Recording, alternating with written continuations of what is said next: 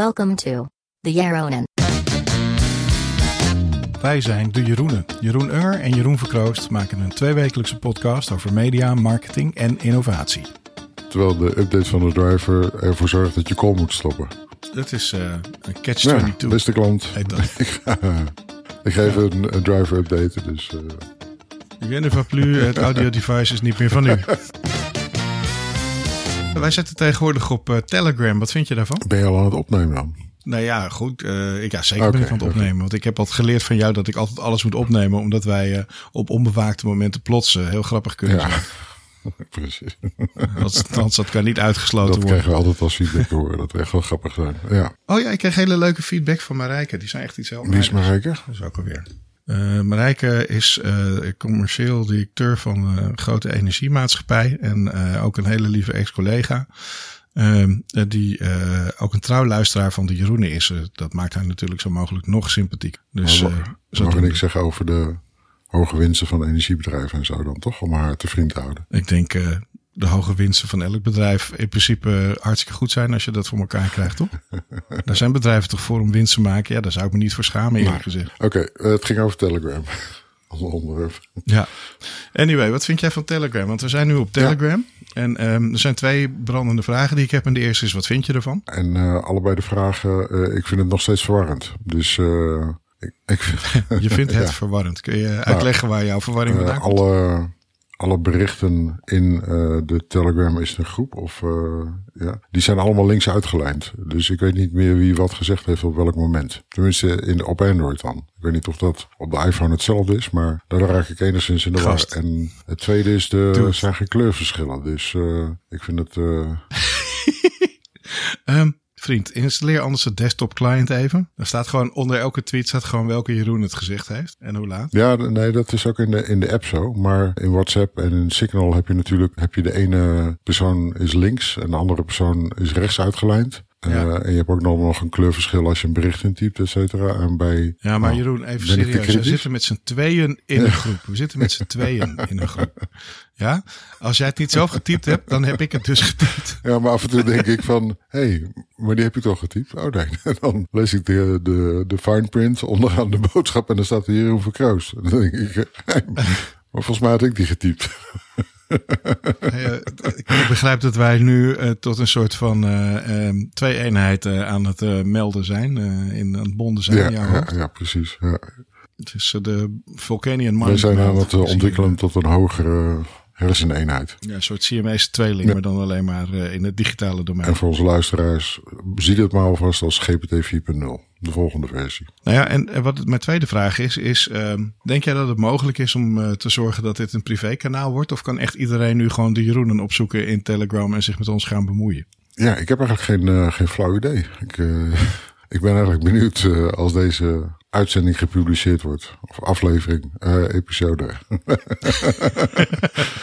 of wij, of wij dan opeens zien dat er meerdere abonnees zijn. Want je moet je kunnen abonneren ook als je... Het is niet privé, toch? Je hebt hem gewoon als een open kanaal neergezet, toch? Nou, daar staat hier de Jeroenen twee subscribers. Dus ik denk, nou, daar kan er ook een derde of een vierde eh, bij. En eh, nou, dus als je wil hangen met de Jeroenen en geen zin hebt om nieuwsbrieven te ontvangen, maar wel alle, alle links wil kunnen aanklikken, nou, dan, eh, dan kan je kijken naar de Jeroenen op Telegram. Dat scheelt ook een hele nieuwsbrief maken. Nou, zeker. Ja, dat scheelt ook heel, heel veel. eh, ja, de website wilde ik sowieso eigenlijk al mee stoppen, omdat ik de show notes eigenlijk ook al in de, in de podcast eh, app publiceer, waar je ze ook altijd kan vinden. Dus als je in Spotify zit of eh, wat je favoriete podcast hebt, dan kun je kan altijd de links daar in de notities eh, terugvinden. Maar we hebben ook nog een, een tweede, is dat dan ook een groep? Die Jeroenen mededelingen. Dat is niet zoveel gebeurd tot nu toe, maar dat zijn Nee, dat is alleen, dat is alleen voor huishoudelijke Ah, mededelingen. Dat is, eh, daar wil ik jou alleen maar vertellen over of ik wel nog niet kan op donderdagavond. Daar heeft verder niemand wat mee te maken. Dus dat lijkt me voor huishoudelijke mededelingen. Lijkt me Maar die is niet openbaar. Ik denk het niet. ik, ben ook, ik ben ook een telegram newbie, hè? Even serieus nieuws. Eh, We hebben het natuurlijk al heel vaak gehad over, eh, over metaverse of mesa, metaversie of multiversen. Eh, De, de veelvoud van eh metaverse. Nieuws is een beetje naar de achtergrond geraakt natuurlijk, omdat het, het schijnt niet zo te lopen meer met Web3. hè. Dat geldt in de volle breedte van NFT's tot crypto tot metaversie. Maar we hebben nu ook daadwerkelijk het bewijs dat er meerdere metaversen zijn. Want Microsoft is namelijk gestopt met de metaverse. Met een metaverse, de industriële metaverse. Dus volgens mij is dat het ultieme bewijs dat er meerdere metaversie moeten zijn. In ehm, de multiversie I is er nu één minder. Precies. Maar dat was het industriële metaverse. Dus we kunnen niet meer in een virtuele fabriek rondlopen. Zoiets. Waar ze daar al serieus mee begonnen dan? Want het feit dat ze ermee stoppen is voor mij het eerste nieuwsfeit over de industriële multiverse meta dingen. Nou ja, het, le het, leuke is natuurlijk dat uh, nou ja, de commercieel directeur van uh, Microsoft op, op dezelfde dag dat ze ermee stopte reclame liep te maken voor de industriële metaverse. Dat zag ik ook, ja. Op LinkedIn uh, had hij iets gedeeld op de dag dat aan het eind van de dag de aankondiging was dat ze die hele ja. divisie ophefte en iedereen daar binnen ging ontslaan. Wat wel heel erg jammer is, want het zijn ook veel mensen die aan HoloLens werken en Nee, ik geloof nog wel steeds in, uh, hoe moet je zeggen, augmented reality. Dat dat uh, vroeger of later gaat komen. Recent was in het nieuws ook weer dat uh, Apple het wederom heeft uitgesteld. Waarschijnlijk zijn ze nog niet tevreden over de kwaliteit van hun, Die van hun duikbril. van hun skiduikbril. Ja. bril, maar hij moet in ieder geval mooi eruit komen te zien. Maar blijkbaar zijn er nog wat problemen. Ja. Ofwel met de supply chain, ofwel met de kwaliteit van, van de hardware. Waardoor ze het nog niet willen releasen. Virtual reality, hartstikke mooi. Uh, 20 minuten daarna ben je misselijk. Daar ben ik dus uh, geen groot fan van. Multiverses, uh, allemaal hartstikke mooi. En er zijn hele specifieke toepassingen van. Maar op soort, op soort van één plek te maken waar iedereen dan naartoe komt. En daar een virtuele wereld gaat maken, geloof ik ook niet echt in. Maar augmented reality, dat je een bril op hebt die er hopelijk een beetje normaal uitziet. En waarmee je dan wel een extra informatielaag over de wereld krijgt. Daar geloof ik wel in. En ik geloof nog het meest in de, de, de, de business toepassingen van augmented reality. Dus uh, mensen die uh, op uh, Rotterdam ergens naar containers kijken en dan meteen kunnen zien wat erin zit, omdat hun bril meteen vertaalt wat de barcode is die erop staat. Weet je wel, dat soort, dat soort toepassingen. Gewoon echt industriële toepassingen, maar dan niet multiverse industrieel, maar gewoon augmented reality industrieel. heel snel informatie kunnen zien, bijvoorbeeld van alle voedingsmiddelen die je in een supermarkt ziet, herkennen wat jij als lactose intolerant niet mag hebben. En dat dat dan gewoon een, rood laagje krijgt uh, in jouw bril. Dat soort toepassingen geloof ik zelfs voor consumenten nog op zekere hoogte wel in. Na augmented reality moeten we denk ik verder gaan met al die andere dingen. Misschien moeten we het eerst proberen om dat eens goed te doen. En dat blijkt dus ook kennelijk nog heel moeilijk te zijn. Want zelfs Apple uh, alweer producten uitstelt. Dan ja, is het toch nog kennelijk vrij Ja, maar wij geloven natuurlijk wel uh, absoluut in. Daar hebben we allebei alvast een bril genomen. En het argumentatiegedeelte komt uh, hopelijk later nog wel een keertje. Ja, um, we zijn er halverwege. Ja, we zijn al halverwege. Ik vond het in ieder geval wel een mooi voorbeeld dat je de Rotterdamse haven, dat je kan zien dan wat er dan in zo'n container zit. Ik denk dat het grootste probleem met de containers in Rotterdam toch wel is dat je niet weet wat erin zit, maar wat er niet in zou moeten zitten. Uh, dus de kooksmokkel bijvoorbeeld. Ja, ik denk niet dat ze de barcodes voor cocaïne op gaan plakken. Nee, nee het zou al een stuk handiger zijn natuurlijk. Uh, wat vond jij van de AI NFT's? De AI NFT's? Ja. Je hebt iets gelezen daarover. Ik heb het zelfs gedeeld met jou. Jij hebt het uh, ja. volgens uh, de icoontjes uh, heb jij het ook geleleven. Ja, ja, nee, ik bedoel, ik heb alles gelezen. Op 29 en, januari heb je dit gelezen. Oh jeetje. Het is alweer twee weken terug. Ja. Wat is een AI NFT? Dat is een goede vraag. En uh, dankzij AI-models zoals uh, GANs, en dat zijn de Generative Adversarial Networks, die moet je ook trainen met een dataset natuurlijk, maar die kunnen dan eigenlijk zelfstandig nieuwe content creëren. Dat soort uh, zit ook vaak onder als, als grondslag in beeldgenererende artificial intelligence. Zou je dus eigenlijk een AI beelden kunnen laten genereren die je dan vervolgens meteen als NFT gaat munten. Hmm. Dus zo krijg je okay. eigenlijk een, een hele mooie uh, ja, NFT genereer pijplijn fabriek industrieel. Ja, wat is daar vernieuwend aan? We, kunnen al beelden genereren of AI kan dat al. DALI kan het natuurlijk zelfs in hele hoge kwaliteit met heel veel fantasie. Dus wat, wat gaan we erbij dan aan hebben? Is dat een soort gelddrukkerij dan? Omdat je dan een NFT kan verkopen en miljoenen plaatjes tegelijkertijd als NFT kan aanbieden? Nou ja, goed, je kan allerlei varianten op een thema maken. Je kan heel makkelijk een serie laten genereren. Dus uh, nou ja, je weet dat zeker in entertainment, sport en uh, luxe goederen uh, de NFT's nog steeds best wel hot en happening zijn. Op een heleboel andere plekken ook niet. Maar juist in die categorieën gebeurt er best veel. En dan zou je zomaar kunnen zeggen, god, we gaan een serie maken met tassen die Louis Vuitton had kunnen maken als ze toegang hadden gehad tot intergalactische diersoorten. Hmm. En dan hè, maak je daar een serie NFT's van. Dat zeg je dan tegen, tegen de AI. En die maakt dan een mooie varianten van tassen op basis van leer van beesten die die net eh, gegenereerd heeft. Ja, je snapt natuurlijk wel dat ik eh, enigszins eh, teleurgesteld ben eh, over, in de gele breedte over NFT's, omdat mijn Dutch Sky NFT nog steeds niet verkocht is. En ik zie eigenlijk eh, vooral dat de enige die nog succes ermee heeft, dat is eh, Donald Trump. Ik weet niet of je het eh, weet, maar hij heeft een serie NFT's uitgebracht. Destijds voor, wat was het, 99 dollar per stuk. Ja. En die zijn echt als warme broodjes over de toonbank eh, gegaan. De waarde was eh, gestegen naar rond de 1000 dollar per Donald Trump eh, NFT. Ja, En het waren echt absurd belachelijke plaatjes die zelfs een AI denk ik niet had kunnen genereren. Daar heeft een AI denk ik nog niet genoeg fantasie voor. Maar die doen het er nog steeds goed op, eh, op OpenSea en andere NFT-markten. Ja, het grappige is dat omdat er dan zo'n smart contract onder zit, waarbij die bij elke verkoop er ook weer van mee profiteert, natuurlijk niet stopt met 99 dollar, maar je daar gewoon eh, een, eh, een continue stroom van inkomsten bij elke transactie uit kunt halen. En dat is toch, toch wel heel aardig. Ja, zeker. Ja. We hebben het ook wel een keer gehad over de Board Ape Yacht Club. Hè, die Ja. enigszins eh, beticht werd van, eh, nou ja, laten we zeggen, rechtsextremistische gedachtenondersteuning. En dat er iemand eh, destijds dat heeft blootgelegd of daar een soort documentaire, een soort house-achtige documentaire over gemaakt heeft.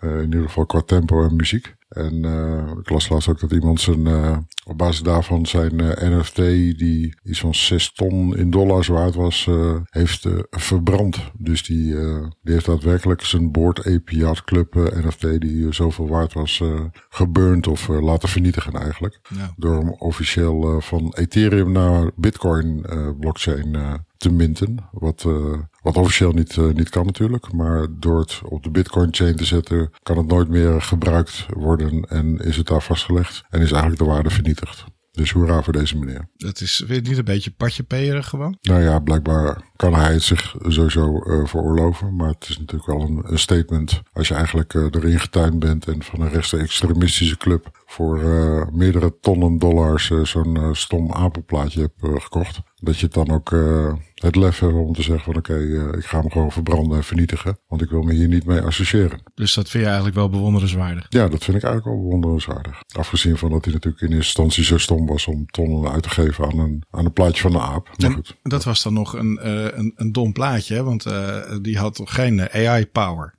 wat je ook voor 6 ton ongeveer kan kopen, is het bedrijf van Mark Cuban, een bekende Amerikaanse investeerder. Die heeft een bedrijf dat heet Alethea. En die eh, maken dus intelligente eh, artificial intelligences die gemint worden als NFT, maar waar je dan ook gewoon eh, mee kan interacteren. Dus er zit eigenlijk een hele AI in de NFT zelf zodat hij ook vervolgens eh, een, eigenlijk een, een, een conversatie met je kan voeren. eh à la ChatGPT. Weet je, dan, ja. Dat vind ik dan wel wat interessanter dan alleen maar gewoon een plaatje van een aap. Maar dan hebben ze dus het algoritme wat ze hebben ontwikkeld, dat hebben ze ge-NFT'd. Ja, eigenlijk is het zo dat op het moment dat je dus, eh, eh, hun tagline is Give Your NFT Superpowers. En eh, ja, op het moment dat je dan zo'n NFT hebt, eh, dan zit daar eigenlijk een intelligente avatar in.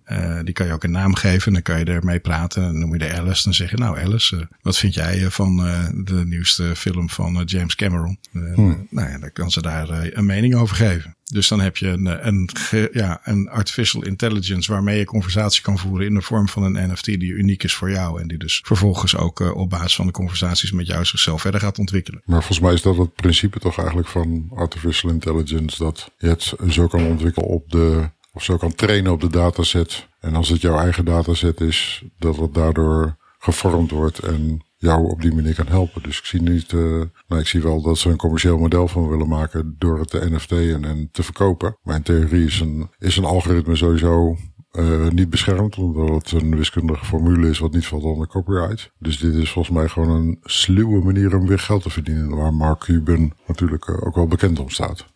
Nou ja, weet je, als je kan kiezen tussen 6 ton betalen voor een plaatje van een verveelde aap. of 6 ton voor een, eh, een plaatje waar een mevrouw in zit die je een naam kan geven. waar je mee kan praten. en die langzaam maar zeker dingen gaat doen op basis van je gesprek. dan wist ik wel wat ik interessanter vond. Maar is ze goedkoper dan, eh, dan eh, hoe heet het, jouw virtuele vriendin van Replica?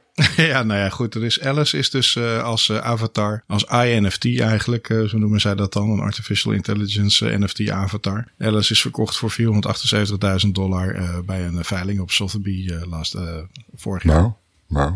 dan vind ik toch het andere werk wat Mark Cuban doet beter. Want hij is namelijk ook begonnen met een Volgens mij was het een soort medicijnen healthcare start-up. Die, die medicijnen zeg maar aanbood voor wat normalere prijzen. Dat het in Amerika natuurlijk een groot probleem is dat de farmaceuten ja, kunnen vragen wat ze zouden willen. Wat ze soms hele normale medicijnen zeg maar heel erg duur kan maken. Omdat ze de farmaceut natuurlijk de IP zoveel mogelijk wil uitpersen. En zoveel mogelijk marge erop op winst op wil maken. Mm En hij is een initiatief begonnen om dat soort standaard medicijnen onder andere voor suikerziekte om dat uh, op een goedkopere manier aan te bieden in, uh, in de markt door en dus de prijzen te normaliseren. Maar dat is gewoon omdat het Amerikaanse, moet je zeggen, ziekenfondssysteem uh, nogal ziek is natuurlijk. Zijn we teleurgesteld dat er geen goedkeuring is gekomen van de autoriteit Consument en Markt over de fusie tussen RTL en Talpa. Deze mag niet doorgaan. RTL en Talpa, daar hebben we het in een podcast al eerder ook al over gehad natuurlijk. die geven aan ja, onze definitie van de markt is uh, breder dan alleen maar televisie. Uh, wij moeten concurreren met uh, YouTube en Facebook en noem het allemaal maar op. Nou, de ACM zegt van, nou, dat gaat, die vliegen gaat niet op. Jullie hebben te veel concentratie in het televisielandschap. Nou, dan kunnen jullie prijzen opdrijven. Dus we zijn het er niet mee eens en jullie mogen niet fuseren. Had je graag RTL 4, 5, 6, 7, 8 en 9 gehad op je televisie? Of ben je blij dat je nu RTL 4, 5, SBS 6... Tja. Dan, ja. Weet je, um, ik, uh, ik, ik kan uh, hierop reageren uh, aan de hand van een kijktip voor onze lieve luisteraars. de kijktip is de serie Succession. Heb jij die gezien? Nee, heb ik niet gezien. Dat is een fantastische serie. Die gaat over een, een Amerikaanse familie van een, een Schots-Canadese immigrant. Die vanuit Schotland en Canada naar Amerika gekomen is. En daar als self-made man een media-imperium opgebouwd heeft. Wat het vier na grootste media-imperium ter wereld is. de hoofdrolspeler is een oude man. Het is duidelijk gebaseerd op, het, op Rupert Murdoch en het Fox-imperium. En de serie gaat over zijn, het feit dat hij vrij oud is. En dat hij wat gebreken begint te vertonen. En dat hij eigenlijk een familie om zich heen heeft met mensen die allemaal op zoek zijn naar een groot, zo groot mogelijk stuk van de cake. Liefst zelf CEO willen worden of in de board willen komen of in elk geval uh, captain van een divisie willen worden. Ja, en die dynamiek van dat grote, maar het is een heel erg ouderwets mediaconcern, dus ze hebben heel veel kranten en heel veel televisie. en ja, zijn kinderen hebben zoiets van we moeten dingen met internet, we moeten innoveren en hij heeft zoiets van hier wordt het geld verdiend. Zijn analyse, zo kom ik uiteindelijk op deze televisietip. De naam van de serie is Succession en je kan hem kijken via HBO of uh, via Ziggo bijvoorbeeld. Die heeft hem ook. Zijn uitspraak is: TV is fucked. It needs to consolidate. Dat is een uitspraak uit 2018.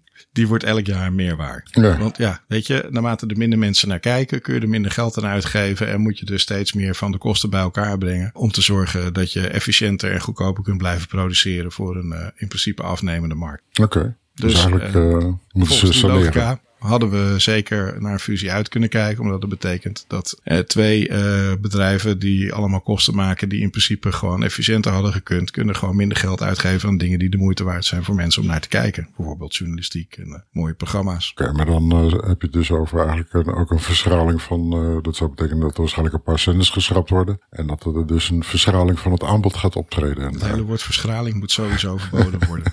Wat een heel verhaal is dat. Het is op ons hele Nederlandse medialandschap is. Doordat we nog maar twee uitgevers van kranten hebben. Net alsof dat uh, op, zo, op uh, 20 jaar geleden zoveel rijker was. En dat nu, nu niet meer is. Ik vind dat onzin. Nou, dan, dan noemen we het zoals uh, Amerikanen het altijd zeggen. Het right sizing. Dat kan ook, hè? Right size.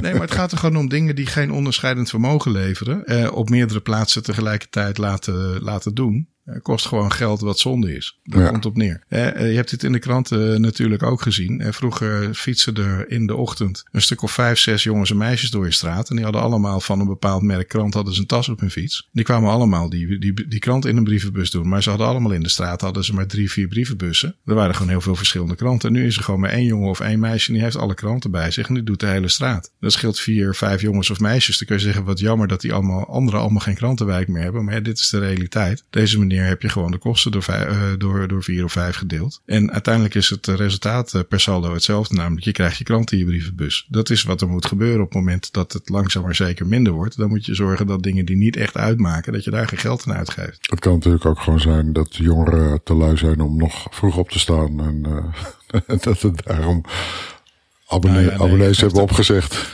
heeft ook te maken met bijvoorbeeld content. Ja, weet je, superleuk dat jij eh, de lokale stadskrant van Amsterdam wil lezen, genaamd Het Parool, de ene kleinste regionale krant van Nederland. En al die Amsterdammers die denken dat dat een echte serieuze krant is, maar wat het eigenlijk is, is gewoon een versie van het AD met een eh, eh, aparte verslaggever voor de stadsdeelraden, eentje voor Ajax en eentje voor het gemeentelijk vervoerbedrijf en zo nog een paar van die Amsterdamse onderwerpen. En ja, natuurlijk gaan die niet zelf apart hun nieuws garen over Joe Biden en wat er allemaal in Amerika gebeurt. Het slaat natuurlijk nergens op. Waarom zou je dat in Amsterdam apart gaan doen, in Rotterdam apart gaan doen, in Den Haag apart gaan doen? Dat hoort gewoon één keer goed te gebeuren. En dan kan je dat in al die kranten kan je dat gewoon doorplaatsen. Dus of het nou over content gaat of over fietsen eh, eh, met bezorgers erop. Uiteindelijk moeten alle oude media moeten consolideren. Omdat ze anders fucked zijn. Over eh, consolideren gesproken. Ik heb jou getipt over een, eh, een toeltje. Hè. Dus ik vond dat de laatste tijd mijn, mijn nieuwsvoorziening zeg maar, ook aan het eh, verschralen was. Ik had moeite met het, eh, afgezien van alle abo- abonnementen op eh, allerlei Substack nieuwsbrieven en dat soort zaken, vond ik het nieuwsaanbod vrij schraal. Twitter is nog een, belangrijke bron, maar dat is tegenwoordig ook niet meer zo. Want dat is nu eh, geheel en al toegewijd aan de tweets van Elon Musk vooral te laten zien. Dus ik heb jou getipt op twee mensen die ook bij Instagram gewerkt hebben. En die nu zeggen van ja, we gaan Instagram voor tekst worden eigenlijk. We hebben een tool gelanceerd die heet artifact.news. En ik heb de app ook eh draaien op mijn telefoon. Ik moet zeggen, het doet me heel erg denken aan, eh, aan al die eh tooltjes die je vroeger had. Die allerlei magazine artikelen verzamelden. En, en jou dan nog steeds wat BuzzFeed en, en dergelijke doen. Maar ik ben nog vrij aan het begin. Dus ik heb iets van 50 artikelen gelezen op artifact.news in de app. Dus nu wordt de AI intelligenter op basis van mijn leesgedrag. Dus ik vermoed dat ik nu steeds betere kwaliteit artikelen eh, ga krijgen. Ik vond het vooral heel droevig om te zien dat eh, een ander eh, initiatief in deze categorie van voorheen de persgroep, nu DPG Media, onlangs gekild is. Die hadden ook de mogelijkheid voor abonnees op een van hun kranten om de content van alle kranten digitaal te kunnen benaderen. Dus uh, nou, eigenlijk uh, een hartstikke mooi, uh, mooi systeem. En ja, weet je, je hebt toch al een abonnement voor een paar honderd euro per jaar. Dus, uh, en de rest van de content is al gemaakt. En het is ook al beschikbaar digitaal, dus het kost niks extra. Het was eigenlijk wel een, een hele mooie propositie. Maar dat hebben zij toch ook weer uiteindelijk van de markt gehaald. Dus dat is nu niet meer beschikbaar. En is er een toelichting bij gekomen waarom het niet meer beschikbaar is? Ik heb een, een, een, een vrij algemeen tekstje gelezen over het feit dat de dienst niet meer aangeboden zou worden. Maar dat de content in de individuele titels nog altijd voorhanden is. Ja, hoe ik dat moet duiden, weet ik niet zo goed. Maar ik vind het wel uh, jammer, want de Topics, zoals het heette, was echt wel een tool waar ik uh, niet alleen met mijn team zelf aan gewerkt heb uh, om dat tot stand te laten komen. Maar ook iets wat ik als gebruiker ook nog vele jaren na mijn vertrek bij de persgroep eigenlijk wel enthousiast gebruikte. Ik kan me eigenlijk geen goede motivatie voorstellen. Want in principe is de distributie, zoals je zei, de distributie sowieso al gratis. Dus waarom zou je dit in hemelsnaam gaan killen? Misschien dat mensen te veel verward werden door de grote hoeveelheid content of iets dergelijks. Daar kan ik me nog iets bij voorstellen. Maar... Nou ja, maar je kon dan gewoon topics volgen. Hè? Dus als jij een Harley Davidson fan was, dan volgde jij Harley Davidson. Dan stond dat vooraan in je feed. Je kon natuurlijk alles gaan zoeken op keyword. Maar je kon ook gewoon uh, een samengestelde pagina bekijken met onderwerpen die jij uh, gezegd had dat je leuk vond. Dus het was eigenlijk een soort gepersonaliseerde vorm van content. Maar dan niet met allemaal onzin erbij. Alleen maar wel van serieuze nieuwsmedia titels en door journalisten of het ANP samengestelde content. En ja, voor mij is nog steeds de cruciale vraag. We hebben het al eerder over de multiverse gehad. Maar uh, Mark Zuckerberg heeft natuurlijk in zijn uh, kwartaalrapportage bekendgemaakt dat zij uh, een operating loss hadden van bijna 5 miljard dollar op, op hun Meta Labs divisie. Ook te vinden op uh.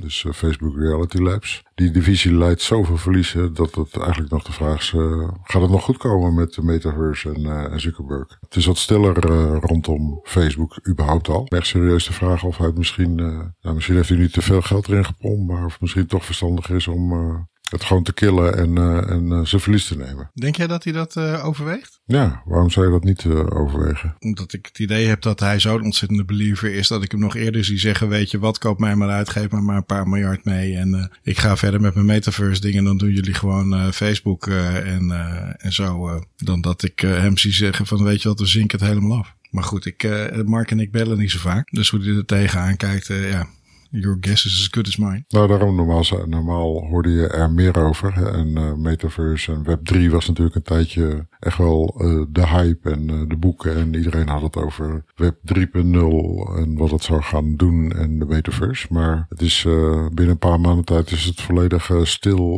geworden en afgestorven. Um, en als je nou, meer dan 4 miljard dollar verlies maakt per kwartaal, alleen maar om deze droom in stand te houden. Volgens mij heeft hij wel serieuzere problemen natuurlijk, omdat advertentieinkomsten van Facebook een behoorlijke knauw hebben gekregen, omdat Apple de, de privacy zogenaamd van haar gebruikers beter beschermt. Het advertising business model staat best onder druk. Ik zag ook wat cijfers uh, dat uh, ook zeker uh, dit jaar niet goed begonnen is voor die bedrijven die advertising als van, voornaamste kern van hun businessmodel hebben. Want ja, de, de omzetten in de online space gaan alleen maar naar beneden en worden steeds verder gecentraliseerd bij een paar Amerikaanse bedrijven. Dus dat is pittig. Maar volgens mij is Facebook een van die paar Amerikaanse bedrijven. Dus wat dat betreft zitten ze dan toch nog in het midden van het, het zwarte gat wat uh, van over de hele wereld advertentiegeld naar zich toe zaagt. De andere is natuurlijk mijn uh, lieveling. Ik hou de aandelen nog steeds aan uh, van Snap. Maar toen ik dacht, ik koop ze nu, want ze hebben de bodem bereikt, bleek dat de put eigenlijk nog een stuk dieper was. Want ze zitten inmiddels 30% lager dan waarvoor ik ze gekocht heb. Maar ik blijf geloven in, in Alex Spiegel en, en Snap. En dat ze er weer bovenop komen. Ooit. ja, ik, uh, ja. zal ik niet elke uitzending zeggen hoe blij ik ben dat ik mijn aandelen Twitter op tijd verkocht heb. Wat ik heel leuk vond op het, uh, op, op, van de Volkskrant. Die hebben af en toe van die uh, achtergrondartikelen. En die hadden eind januari eentje over eindeloos scrollen naar zaken die je niet wilde weten. Hoe het konijnenhol van het internet lonkt en lokt.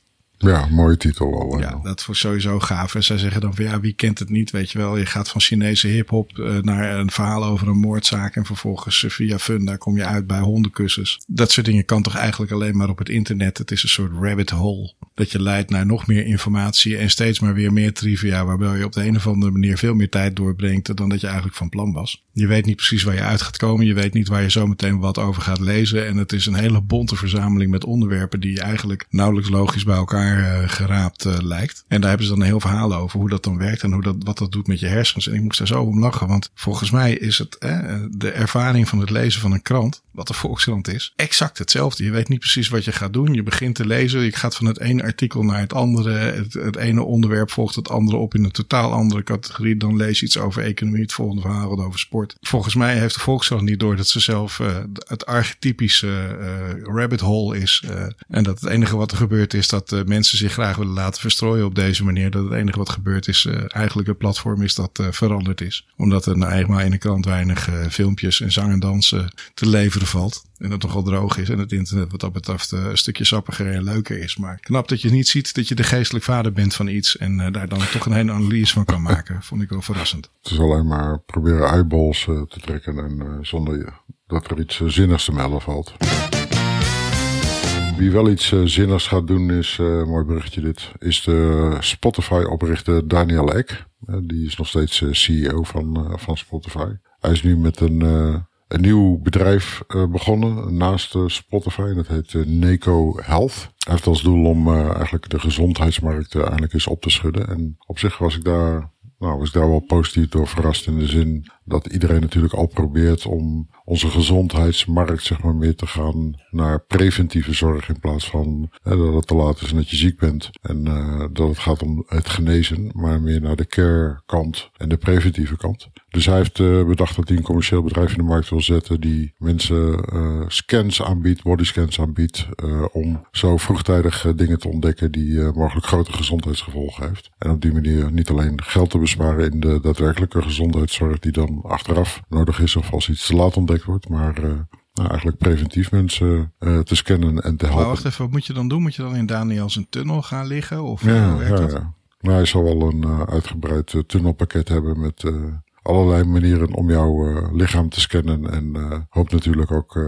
dat er met een sausje van AI dat ze snelle dingen kunnen ontdekken of beter kunnen ontdekken. Ja, dat is wel zo, maar dit is toch allemaal helemaal niet nieuw? En zo'n tunnel is toch kenheid te duur? Ja, zo'n tunnel is kenheid te duur, ja. Dus uh, ja, hoe hij het precies gaat doen ten opzichte van de huidige klinieken die er al zijn. Ik, het wordt op dit moment niet, niet vergoed in ieder geval. Hè? Dat, nee, nee, ik, ik, las ook echt, dat vond ik wel een goede quote van hem. Is natuurlijk ook een geniale marketeer. Dat hij zei van, ja, onze auto's moeten na vier jaar gewoon elke keer een APK hebben. Maar ons eigen lichaam, dat checken we pas op het moment dat er een probleem, probleem is en niet van tevoren. Dus ik snap dat hij pleit voor checks van tevoren. Maar ik zou denken dat je dan, uh, ala onze goede vriendin van uh, Theranos, dat, je, dat, je, dan uh, een of andere truc bedenkt waarmee je op een eenvoudige en snel uit te voeren manier een, een soort checks kan uitvoeren om te zien of het allemaal goed gaat. Maar ik denk dat die, de droom van Elizabeth Holmes van Theranos, ja, die hebben natuurlijk allemaal een duig zien spatten. Dus hij zal er vast wel iets op vinden. Ik bedoel, het is geen domme gast natuurlijk als je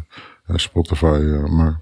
Nee, ja, wat ik aan Japanners dan zo leuk vind, is dat ze zo van kak houden. Die hebben natuurlijk uh, sowieso een hele gekke relatie met hun uh, toiletten. Uh, dat eigenlijk ja, een soort van Boeing 747 zijn qua knopjes waar ze mee uitgerust zijn. Maar er zijn ook al jarenlang Japanners bezig met toiletten te maken die een diepgaande stoelganganalyse doen. Om te kijken wat er allemaal precies doorheen gaat moet even zo te formuleren. En op basis daarvan ook uh, diverse gekleurde lampjes kunnen aan, aan, laten gaan. Om jou te vertellen dat je misschien uh, wat meer uh, ijzer moet nemen in je dieet. Of dat je misschien toch eens een keer met een, een oncoloog moet gaan praten. Ik weet niet precies hoe dat werkt. Maar daar geloof ik dan nog wel in. Want dat is dan een, een analyse manier waarbij je denkt van nou ja goed, daar hoeven we niet voor in een tunnel te gaan liggen. En als je daardoor wat meer te weten kan komen. Maar goed, dus Daniel, ik vind het een top idee. Laten we ons allemaal laten checken. Maar ja, ik wil dus niet in een tunnel gaan liggen. Maak een gewoon gebruiksvoorwerp wat we elke dag gebruiken zoals een toilet. Maak dat gewoon uh, slim en uh, zorg dat het op die manier gescand ja, Of dat ik een prikje in mijn vinger moet doen met een of ander apparaatje wat dan een bloedanalyse doet, vind ik ook goed. Maar dan moet het wel werken.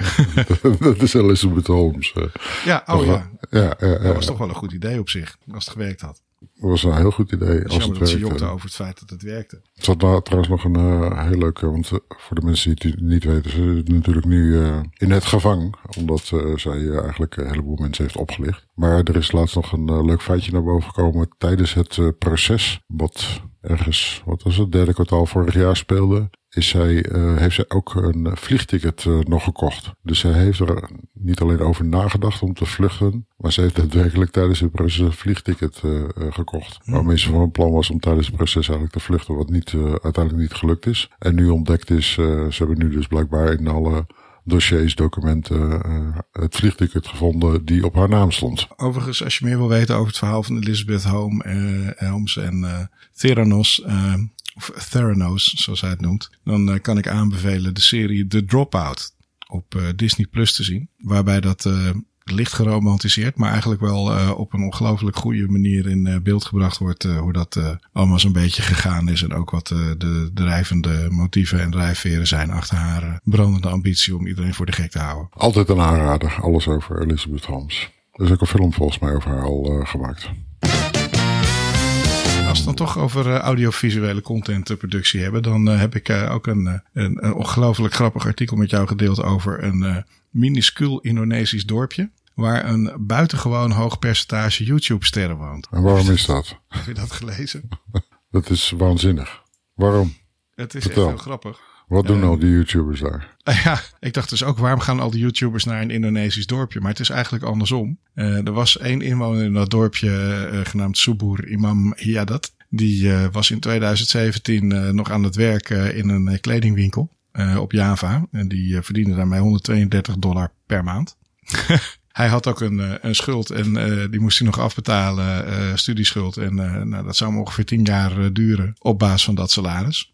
En uh, hij dacht, ja, weet je, dit schiet helemaal niet op. En op deze manier kom ik uh, misschien wel nooit uit de schuld, dus ik moet geld verdienen. Dus hij ging googlen en uh, zei, hoe kan ik aan extra inkomen komen? En vervolgens kreeg hij te horen dat hij kon kiezen voor blogger, webdeveloper, dropshipper of YouTuber. om een extra inkomen te genereren. nou, de eerste drie dingen leken hem veel te ingewikkeld, dus hij koos voor YouTube. en hij had een smartphone. Dus hij dacht, weet je wat, ik heb een smartphone, dus ik kan dingen op YouTube zetten. Hopla. En hij begon met een oude Xiaomi telefoon in 2017 wat filmpjes op, de, op YouTube te zetten. En hij begon eigenlijk met hem op YouTube te kijken hoe je een, goede YouTuber zou kunnen worden. En keek daar heel veel video's voor op YouTube. En uh, nou, deed zes maanden zijn best. Ging het allemaal niet zo heel erg goed. Maar op een gegeven moment ging hij focussen op tutorial video's over herbal remedies en Muslim prayers. en dat bleek een gat in de markt.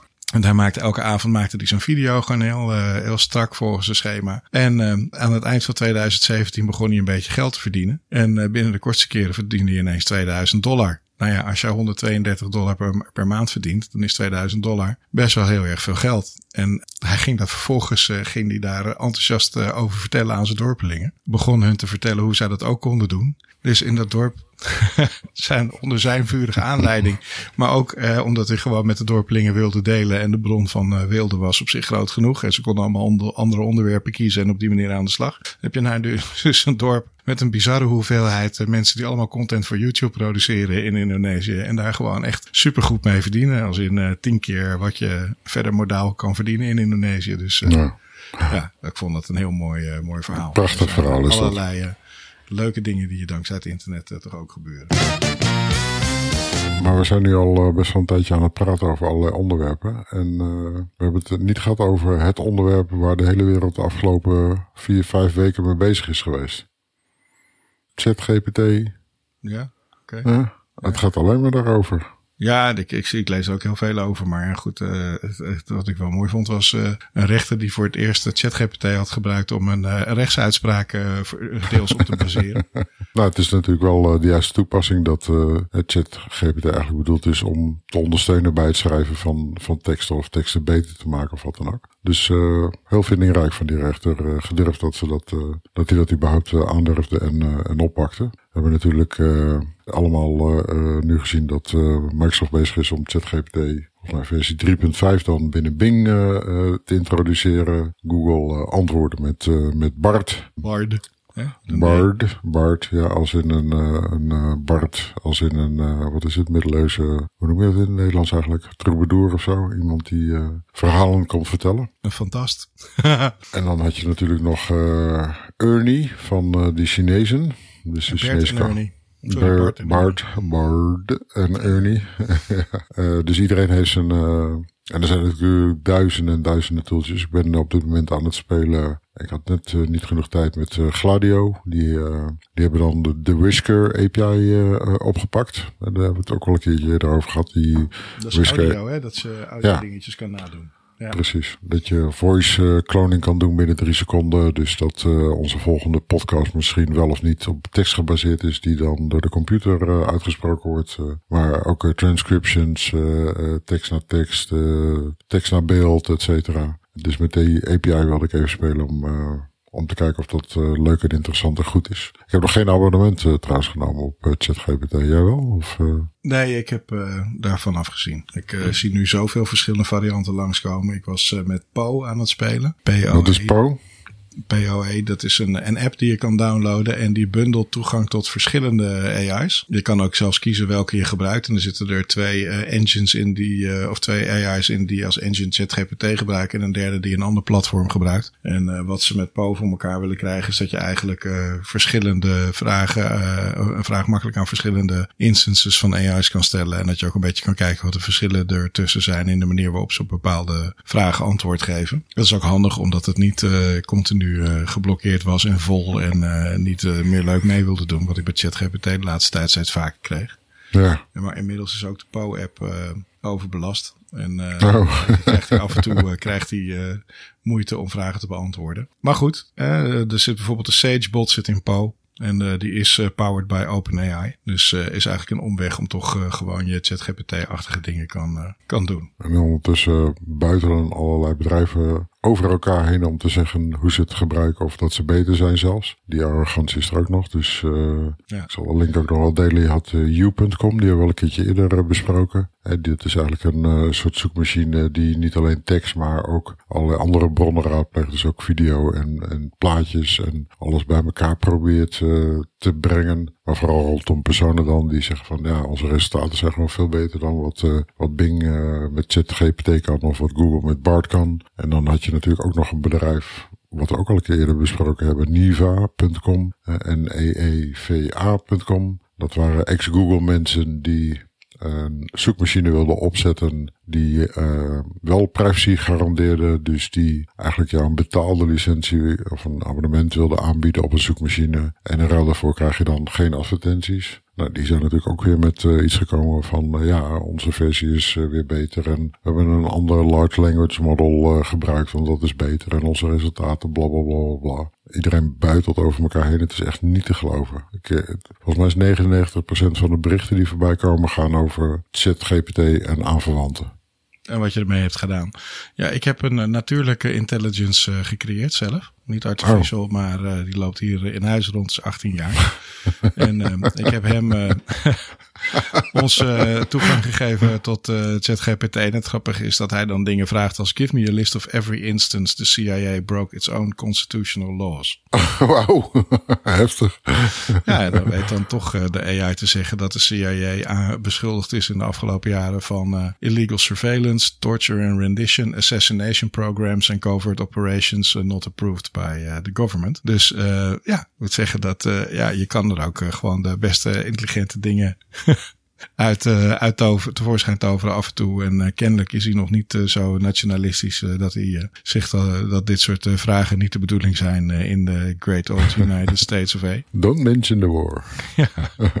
of don't mention waterboarding. Dus, nee, precies. Maar jij vond dat ze niet ook gewoon een beetje leuk meedoen, zoals uh, vrienden in de kroeg, die artificial intelligence. Zodra je een klein beetje ruwe taal gebruikt, dan uh, komt er gelijk uh, allemaal van die, ja, hoe zullen we het zeggen, boilerplate tekst over, oh, I'm very sorry, but this is really not appropriate and this type of language is, goes against OpenAI's community guidelines, bla bla bla bla bla. Dus het weet je dat je gewoon echt een chat met een vriend, dan kan je ook gewoon af en toe wat lelijke dingen zeggen of een beetje vloeken of een beetje eh, zeuren over iemand. Nou, dat, dat trekt het allemaal niet. Dan gaat het gelijk helemaal in een soort van uh, pastoormodus. Super vervelend. Maar en ook eigenlijk, uh, ook eigenlijk wel super goed, hè? omdat we natuurlijk uh, in het verleden wel bot-experimenten hebben gehad.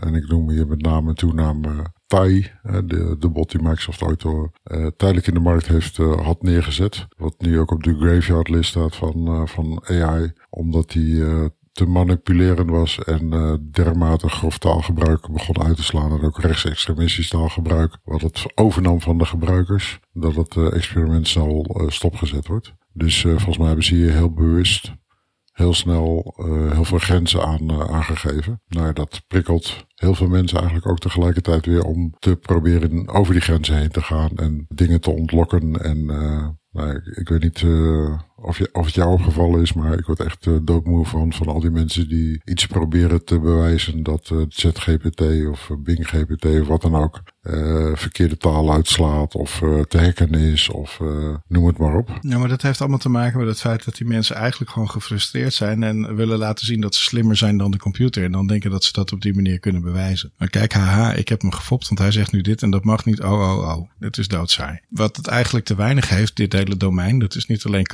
daar ben ik op zich altijd wel uh, om verlegen, maar ook humor. En dan moet je natuurlijk uiteindelijk altijd weer bij de Belgen zijn. Dus kwam ik terecht bij uh, Thomas Winters.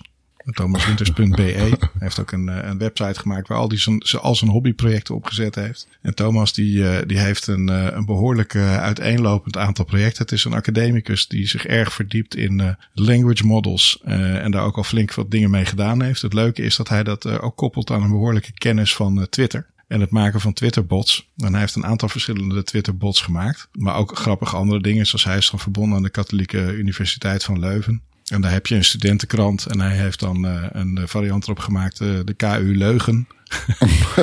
dat is dan een door AI gegenereerde persiflage op die universiteitskrant. En uh, je hebt daar ook een, een zeer beroemde mediapersoonlijkheid, de rector van de KU Leuven tot voor kort. Dat is de man genaamd Rick Torfs, onder andere bekend van De Slimste Mens. Hij was daar de, de, de enigszins filosofische en iets minder knorrige variant van de man op de stoel. en uh, deze Thomas Winters die heeft dus ook een Rick Torfs bot gemaakt. En het grappige is, dan heeft hij dus een language model. Die heeft dus alle tweets en alle columns die die Torfs geschreven heeft uh, laten analyseren. Om vervolgens uh, in dezelfde stijl als Rick Torfs te kunnen communiceren. Dus dan heeft hij een Twitter-bot gemaakt. Die heet dan de Torfs-bot. En die plaatst af en toe gewoon dingen op Twitter. Maar dat is helemaal gebaseerd op hoe die man zelf praat. En dat, die man die is, heeft dan nog een filosofische inslag. En die bot dus ook. Dus uh, het is grappig is dat die, dat die Rick Torfs, die zegt dan dingen in, uh, bijvoorbeeld in de categorie het mooie van God is dat hij het iedereen gunt om niet in hem te geloven. En dat soort dingen. En de Torsbot die komt dan vervolgens met uh, tweets als het waardevolle antwoord op onzin is stilzwijgen. en Verklaar mij gek, maar ik heb wel gesproken. of beste, gevolgd door een komma, mails om niet te herinneren. Weet je wel, dus uh, die jongen die zegt ook, ja, hoe korter de, uh, de zinnen blijven, hoe meer het lijkt op uh, de gedachten van de echte heer Torfs. Maar hij heeft die bot ook zo geprogrammeerd dat hij eens op de zoveel keer ook daadwerkelijk een reactie plaatst op een tweet die de heer Torfs zelf plaatst op het internet. Dus wordt, Rick Torfs wordt dan beantwoord door de Torfsbot. nou ja, weet je, meer van dit soort dingen mensen. Dit is toch fantastisch. Ja, op de website van thomaswinters.be kun je al deze, deze grappen en, uh, en lol terugvinden. En ook zijn andere projecten en uh, bots die hij allemaal gemaakt heeft. Hij is ook erg bezig met Samson en Gert. Dus ook daar heeft hij met veel plezier dingen voor gemaakt. Nou, dit is echt echt briljant, echt aanrader. Ik, uh, ik lag echt in de deuk vanmiddag toen je dat, uh, dat deelde over de Torsbot. Je kan hem zelf ook uh, aanroepen. En het is echt wel een, een ander niveau. En ik ben er echt heel blij van, want ik werd echt helemaal ziek van alle mensen die nog steeds dag in dag uit willen laten zien dat zij slimmer zijn dan GPT of ChatGPT kunnen manipuleren of wat dan ook. Hou er gewoon mee op met die onzin mensen. Nee, maar het, is, ook volkomen, je hoeft het niet meer te bewijzen. Hè? Want oké, het is een language model. Dus het is iets anders dan waar je Google voor gebruikt. Google gebruik je om feitelijk juiste informatie op te zoeken. Hè, dus daar, zoek, daar is een zoekmachine voor doorgaans. Hè? Wat voor weer wordt het morgen? Hoe laat gaat mijn vliegtuig? Uh, wie schreef dit boek? Uh, al dat soort dingen wil je gewoon vragen aan een normale zoekmachine en niet aan een of andere chat uh, GPT variant. feitelijke informatie opzoeken met zo'n apparaat werkt niet goed. En uh, dat hoeft niemand nog aan te tonen, want uh, dat is inmiddels in voldoende mate aangetoond. Als jij vraagt uh, wat waren de earnings per share en wat was het totaal wat Microsoft verdiende in 2019, dan krijg je daarvan geen van deze AI-bots het juiste antwoord op. Nee, dan krijg je allemaal wel getallen maar niet precies het goede getal. Want ja, dat, daar zijn ze dus niet voor gemaakt. Dus je kan ze hartstikke leuk vragen om een uh, standaard antwoord op een e-mail te formuleren. Of je kan leuk uh, vragen om een verhaaltje te schrijven of een gedicht. Weet je wel, zolang het niet feitelijk juiste informatie hoeft te zijn. Maar gewoon het uitwerken van een tekst of het, het terugkomen met, op, op, op een vraag die je hebt en een soort gesprekje aangaan, dan zijn ze hartstikke leuk. En daar kan je best dingen mee, maar je kan er zeker niet alles mee. De essentiële fout is, ChatGPT is een taalmodel. Het taalmodel is uh, getraind op bestaande taal. En het slimme en het verbazingwekkende waardoor iedereen echt flabbergasted was toen OpenAI ChatGPT naar buiten bracht, is gewoon dat het taal kan genereren en wij dan daardoor direct de indruk hebben dat het een soort mens is, of een menselijke reactie, of zelfs een menselijke tekst is. En dat is gewoon één grote vergissing. Dus ja, maar jij deelt toch wel een, een leuke toepassing met de, de rouwkaartgenerator. Ja, oké, dat, dat is wat anders. Hè. Dus uh, dat is niet proberen slimmer te zijn dan, uh, dan ChatGPT of het proberen te manipuleren. Ik denk dat mensen uh, te veel correctie toepassen en denken dat ChatGPT een soort mens is waarvan ze willen bewijzen dat ze zelf slimmer zijn of dat ze die kunnen manipuleren. Het is gewoon een machine die taal uh, genereert op basis van datgene wat wij uh, die uh, taalmodellen voeden. Dus de tekst die wij aanbrengen. En zoals je zei, een heel leuk voorbeeld is dat je een uh, obituary of een, uh, een soort, uh, wat is het, grafrede kan laten schrijven door ChatGPT op basis van de feiten die jij aanlevert daaraan. En dan krijg je best wel bespraakte teksten. Laat ik zeggen, hè, nee, niet iedereen die naar onze podcast luistert. Maar laten we zeggen voor 99,99% van de mensheid is ChatGPT beter en slimmer, et cetera. Maar het is niet iets wat een bewustzijn heeft. Het is gewoon taal wat gegenereerd wordt op basis van de patronen zoals wij die al jaren of eeuwen lang opschrijven en voeden aan deze machine. Dus uh, er is nog één, ja, er is nog één klasse erger en dat is, uh, uh, laten we zeggen, de afgunstige reactie ook nog. dus we hebben natuurlijk mensen gezien die zeggen ChatGPT, ik ben leuker dan ChatGPT, ik ben slimmer, et cetera. Maar het hoofd van AI van, van Meta, van Facebook, Jan LeCun, ook een professor in de, in de AI, die reageert heel erg afgunstig. En dat vond ik echt wel een hele zielige reactie. En hij zei van ja, het is niet iets van wat nu op dit moment opeens er is. Maar er worden al jaren en jaren onderzoek gedaan naar large language models. En dat doen wij bij Facebook en Meta ook al tientallen jaren. En we doen onderzoek en we publiceren papers. En ChatGPT is, is nog steeds een slechte versie, bla bla bla bla. En toen had ik echt zoiets, oké, je bent gewoon super jaloers op het enorme momentum wat OpenAI hiermee gegenereerd heeft. En dat jij zeg maar niet in de schijnwerper staat. Dus de afgunstige reacties zijn er ook zelfs nog. Tot zover mijn, uh, mijn rant. Ja, nee, en toch zie ik ook wel weer hele slimme en, en, en mooie dingen. Alleen dan weer met AI, uh, wat bijvoorbeeld bepaalde processen versnelt en, en mogelijk maakt op een manier die eerder niet mogelijk was. in MIT Technology Review stond een stuk deze week over hoe AI eigenlijk oplossingen verzint voor bijvoorbeeld kanker. op basis van individuele cellen van patiënten.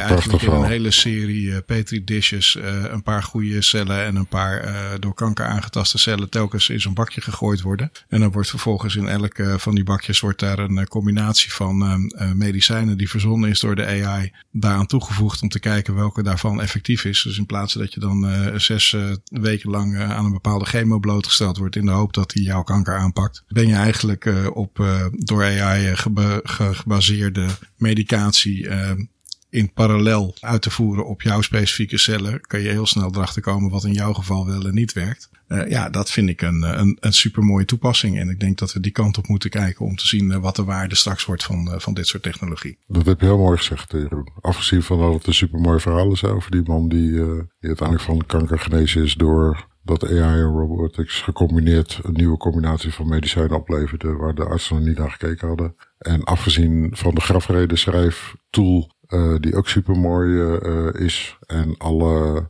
tools zoals beeldgeneratie, zoals audio naar video, uh, tekst naar audio, tekst naar tekst, video naar video, et cetera. De toepassingen zijn, zijn eindeloos en het bedrijf schiet echt als paddenstoel uit de, uit de grond. Dat, dat is mooi en dat is prachtig en daarvan houden we je zeker op de hoogte. Maar stop met, met het denken dat ChatGPT een mens is en projecteer daar Doe daar geen projectie op, uh, vooral. probeer vooral niet te bewijzen dat je slimmer bent dan. Uh, nee, precies. een computer gegenereerde tekst, dat is eigenlijk best wel suf. Want mensen waren ook uh, heel erg onder, onder de indruk van. en naar die website moet je maar gaan. this model does not exist.co. Dus niet com, maar co aan het einde. Over een AI-gegenereerd model. Oh ja. Fascinerend verhaal ook weer. Maar model, hè? Dus nu denkt iedereen aan iets abstracts, maar je bedoelt gewoon ja. fotomodel. Een het is gewoon een, uh, ja, door een AI gegenereerd fotomodel of uh, creatuur verzinsel. De persoon die het gemaakt heeft, die, uh, die post iedere dag een hele serie van door AI gegenereerde foto's van haar. In allerlei verschillende settings, dus op het strand, in de jungle, noem het maar op. En dan mogen de lezers van de website mogen gaan stemmen op welke foto die, uh, die dag op Instagram uh, gezet gaat worden. Op de fake account van, van dit fotomodel. Ik vond het een hele leuke toepassing. Nou, wat ik grappig vond, was dat het fotomodel toch wel enigszins consistent leek uh, door al die foto's heen. Terwijl ik dacht, ja, als je telkens weer zo'n model genereert, dan heb je kans dat ze gewoon ook uh, af en toe niet op zichzelf lijkt. Maar dat ging goed mee en zat ook telkens het juiste aantal vingers, dat ik sowieso al een overgang ja. vind. hey, eigenlijk iemand met tien vingers. ja. ja. ja, nou ja, goed, dat uh, blijkt toch voor heel veel apparaten nog een stap te ver te zijn om dat te kunnen tellen. Nog even terugkomend op, op Po of Poe dat is de chatbot van, van Cora. Cora mensen heeft hem inderdaad uh, gemaakt, maar ze durven hem niet onder hun eigen naam uit te brengen. En zij uh, plakken daar verschillende vormen van ChatGPT-achtige modellen in één omgeving. Maar, maar precies het feit dat het dus niet altijd juiste feitelijke informatie levert, is de reden dat ze daar niet het quora-merk op durven te plakken. Nog niet, nee. Want als ik het, eh, als ik ergens dan een bedreiging voor vind, en ik noemde het volgens mij de vorige keer ook al, is ChatGPT of GPT in, misschien in de volgende versie, is eerder een bedreiging voor een Quora-achtige website uh, van vraag en antwoord of een, uh, of een Wikipedia-achtige website. Als het gaat om delen van, van kennis of het schrijven van teksten. Um, jij was niet enthousiast over uh, Stichting Datakluis. nee, het woord stichting en dan Nederland en dan Nou ja, vertel me even wat het doel is, maar daar Nou had ik al dat zoiets klanten van... hun eh, eigen online data kunnen gaan beheren met een digitale kluis. Zodat Nederlandse mediareuzen hun concurrentiepositie kunnen verbeteren tegenover de Amerikanen zoals eh, Meta, Amaz- Amazon en Google. Ehm, en dan de macht teruggeven aan de consument. De macht over de persoonsgegevens dan, hè, in dit geval. heel nou Klinkt allemaal heel nobel en hoogdravend. Maar zoals ik zei, het A, het is een stichting, hè, dus ze hebben geen winstoogmerk. Dus hun motivatie is, eh, nou ja, relatief laag. En B, ze hebben Wat niet het doel... Mensen in stichting hebben lage motivatie. Is dat een blanket statement dat jij hier afgeeft? ja, ja, dat durf ik wel af te geven. Ze zijn minder gemotiveerd. eh. Je En weet dat B, Martijn van Dam zijn baan bij, eh, als bestuurder bij de NPO hiervoor opgegeven oh ja, en hoeveel krijgt hij dan als bestuurder van de stichting Hub op Hub? Dat zal Waarschijnlijk niet zo heel veel zijn, want de andere bestuurder is Arno Otto van Talpa Netwerk. En die blijft zijn baan als Chief Transformation Officer gewoon bekleden. Dus dan is het waarschijnlijk niet een enorme vetpot. Maar Oh, het belangrijkste, het belangrijkste nog, als ze nou die datacloud daadwerkelijk in de markt gaan zetten, dan zeg ik, oké, dan heb je echt een doel. Maar dat gaan ze niet doen. Ze gaan het onderzoeken. Dus ze hebben een subsidieaanvraag gedaan van, eh, wat was het, 50 miljoen euro. Waarbij ze heel veel consultancy-uurtjes kunnen slijten om te onderzoeken naar de haalbaarheid van een datacluis. Om onze privacy te beschermen, bla bla bla. Nou, dan krijg je dus een heel duur rapport van 50 miljoen euro. Bedankt. Maar het is niet gezegd dat ze dat, eh, na dat onderzoek, eh, dat ze daar alle 50 miljoen voor hoeven te gebruiken. Dat, Nee, daar zullen ze waarschijnlijk weer, een, eh, weer een extra potje geld voor moeten aansnijden. Kijk, op een of andere manier heb jij net een, een klein slokje cynisme genomen. ja, daar word ik heel erg, daar word ik heel erg cynisch van. Ik word heel erg hoopvol van als bedrijf denk van, hey, dit is zo'n goed idee. Ik heb de ballen en ik ga geld verzamelen en ik ga het in de markt zetten. En ik wil er ook nog wat aan verdienen. Want eh, ik ga er heel veel moeite voor doen. Maar dan weer een stichting opzetten die iets gaat onderzoeken. Nee, dat... eh, Maar ja, gelukkig worden deze stichtingsverzoeken om eh, een subsidie van 50 miljoen beoordeeld door keiharde zakenlieden zoals Constantijn van Oranje. die beheerscommissie eh, aanvoert. Ja, weet je, ik, eh, ik, ik ken denk ik wel, wel, wel, wel tien of twintig van dit soort initiatieven. Eh, er zijn zoveel al geweest wereldwijd. En er is er nog nooit echt één geslaagd. Hè. En, volgens mij tien jaar geleden waren ze bij Google al bezig om een soort van persoonlijk data management aan te gaan bieden. En dat dan aan de, aan de wereld te geven. Maar ja, dat vond de reclamedivisie niet, niet zo'n goed idee. Die is nogal sterk bij Google. Dus dat is nooit gelukt. En je ziet ook eigenlijk dat Apple, Google en eh, Microsoft zich ook stort op het aanbieden van eh, wallets waarmee je een ieder identity eh, kan opslaan. Nou, dat vinden we in Amerika, vinden ze dat allemaal mooi. Wij vinden het allemaal doodeng en dat kan allemaal helemaal niet met onze Europese wetgeving. Het grappige is dat het bij ons kost dat 50 miljoen, maar in België hebben ze vorig jaar al een datakluis-initiatief aangekondigd vanuit Oh. de overheid. En daar kost het maar 7 miljoen.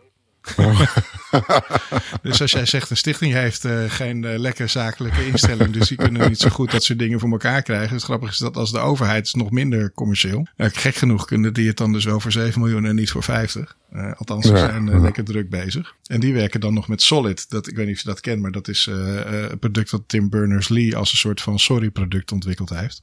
Tim Berners-Lee heeft in feite het, het internet bedacht, om het even heel kort door de bocht te zeggen. En die zag dat het uiteindelijk een soort apparaat was wat draaide op privacy schending. En die dacht ik moet het goed maken. Dus ik ga een product maken waarmee je dat kan oplossen. En dat is Solid. Nou, daar baseren die Belgen zich dan weer op. Dus dat is inmiddels een soort data nutsbedrijf in, in België. Gebaseerd daarop wat ze aan het doen zijn. Dat vind ik ook wel interessant. Nou ja, goed. eh, je, al die grote techbedrijven zeggen natuurlijk. Maar wij zijn een data privacy bedrijf. Want bij ons ben je in control. Want je kan alles kiezen. ja, nou, daar moeten we inderdaad allebei heel hard om lachen. Hè? Dat, is, is niet helemaal hoe het werkt. Maar ja, ook in Nederland zie je alweer. Hè? Je hebt dan bij ABN AMRO heb je Octo. En Rabobank heeft Datakeeper. En de Volksbank die, eh, Volksbank die werkt samen met eh Sloes in een datakluis. Oké. Dus er zijn echt heel veel mensen die denken dat een datakluis een supergoed idee is. En dat daar eh, binnenkort alle consumenten mee aan de slag willen. Maar ik geloof er gewoon helemaal niks van dat het consumenten een en donder interesseert. Volgens mij is dat het grote fundamentele probleem van de datakluis. Dat mensen helemaal geen zin hebben om dat eh, daadwerkelijk te gaan lopen managen. En te gaan nadenken over hoe het gaat met hun data en waar die wel en niet naartoe mag. Mensen zijn al bijna niet te bewegen om een password manager te gebruiken. Ja, luisteraars, echt waar. Een password manager is nou echt iets wat iedereen in 2022 gewoon hoort te hebben. Het is super makkelijk, het is gebruiksvriendelijk en het kost je misschien een uur om er even goed over na te denken hoe het werkt. En daarna is het een en al gebruiksgemak. En toch zijn er in Nederland minder dan 10% van de internetgebruikers die zo'n password manager daadwerkelijk gebruiken. En in plaats daarvan hebben ze allemaal passwords als welkom 1, 2, 3 of de naam van hun kat of hun geboortejaar of een login die gebaseerd is op het, uh, de nickname die ze in elk willekeurig spel en op elk social media platform nemen. Weet je, als we mensen al niet zover krijgen dat ze hun eigen wachtwoorden waarmee je gewoon geld kan overmaken en dat soort dingen fatsoenlijk in een, in een appje, in een kluisje bewaren. Waarom denken we dan dat mensen dat met data, wat echt intrinsiek helemaal geen waarde heeft, wel gaan doen? Dit is gewoon, zoals jij zou zeggen, net als blockchain, een, een oplossing die op zoek is naar een probleem.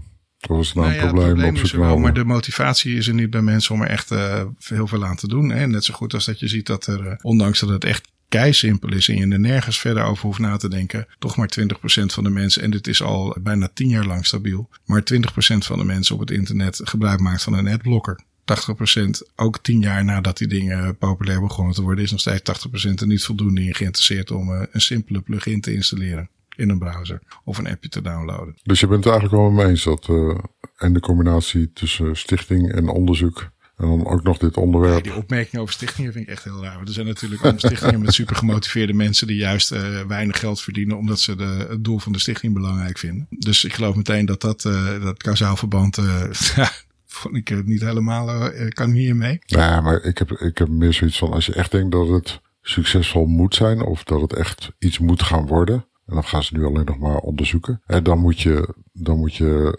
de overtuiging niet alleen hebben, maar dan moet je ook zeggen van, ja, ik ga mijn, tijd en energie en al mijn geld erin stoppen. En uh, niet onder de vlag van de stichting, maar gewoon onder de vlag van, als wij hier winst mee kunnen maken, dan betekent ook echt dat we, dat, dat er ergens een behoefte aan is in, uh, in de markt. Dus als je zegt, er is gewoon geen behoefte aan, dat bewijst, bewijst iedereen al dag in dag uit. Dus, uh, Dank je voor het luisteren. Dit was De Jeroenen. Jeroen Unger en Jeroen Verkroost maakten deze tweewekelijkse podcast over media, technologie, marketing en innovatie. Op onze site vind je onze show notes, de links naar de artikelen die we bespreken, korte berichten in de geest van de Jeroenen en natuurlijk de links om je te abonneren, bijvoorbeeld via Spotify, Apple Podcasts of Google Podcasts. Als je ons een bericht wilt sturen, feedback wilt geven of een idee hebt voor de podcast, kun je ons mailen op jeroen.dejeroenen.com je kunt ons vinden op Twitter als @dejeroenen of je kunt ons een berichtje sturen via onze site www.dejeroenen.com. Wij zijn er elke twee weken. Graag tot de volgende keer.